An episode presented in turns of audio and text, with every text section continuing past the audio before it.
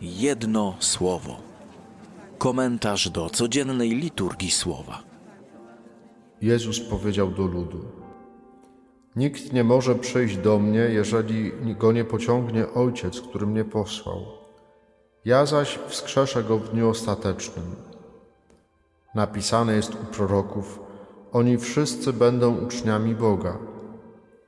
Każdy, kto od Ojca usłyszał i nauczył się, przyjdzie do mnie. Nie znaczy to, aby ktokolwiek widział Ojca, jedynie ten, który jest od Boga, widział Ojca. Zaprawdę, zaprawdę powiadam wam, kto we mnie wierzy, ma życie wieczne. Jam jest chleb życia. Ojcowie wasi spożywali mannę na pustyni i pomarli. To jest chleb, który z nieba wstępuje. Kto go spożywa, nie umrze. Ja jestem chlebem żywym, który zstąpił z nieba. Jeśli kto spożywa ten chleb, będzie żył na wieki.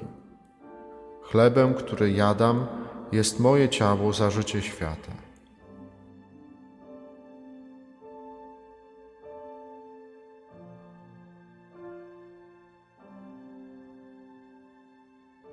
Jedno słowo. Można powiedzieć, że ten dzisiejszy fragment y, z dziejów apostolskich no to jest, ustanawia świętego Filipa patronem autostopowiczów. No bo to jest klasyczny po prostu autostop.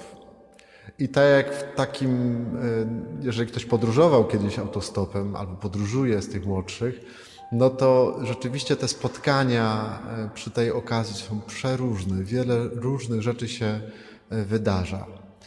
Z Wrocławia jest organizowany taki, można powiedzieć, wyścig autostopowy do różnych miejsc w Europie. Studenci umawiają się, że kto pierwszy dotrze do jakiejś tam na przykład miasta w Europie. I rzeczywiście te przygody w czasie tych, tych właśnie wypraw autostopowych są przeróżne. Moi znajomi w ten sposób podróżowali, mówią, że to jest niesamowita po prostu przygoda. Przygoda, którą dzisiaj Pan Bóg funduje, tak można powiedzieć, świętemu Filipowi, diakonowi, bierze się z, jednego, z jednej cechy jego serca.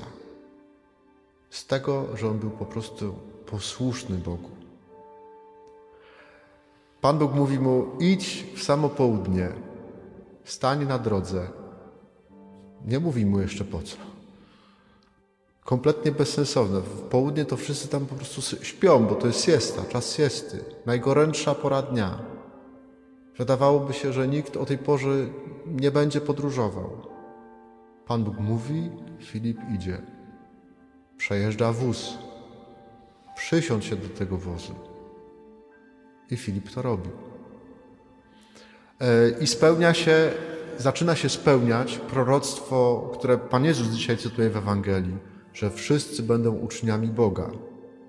Pan Bóg posługuje się Filipem, żeby pouczyć serce tego urzędnika królowej Kandaki.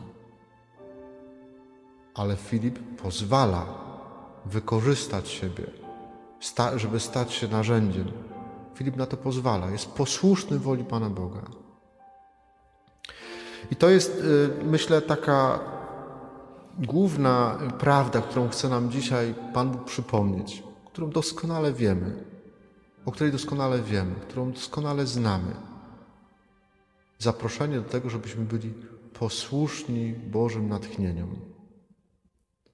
Czasami jest tak, że albo zazdrościmy komuś, ja tak mam, o tak, że zazdroszczę, że tam się tak dobrze dzieje.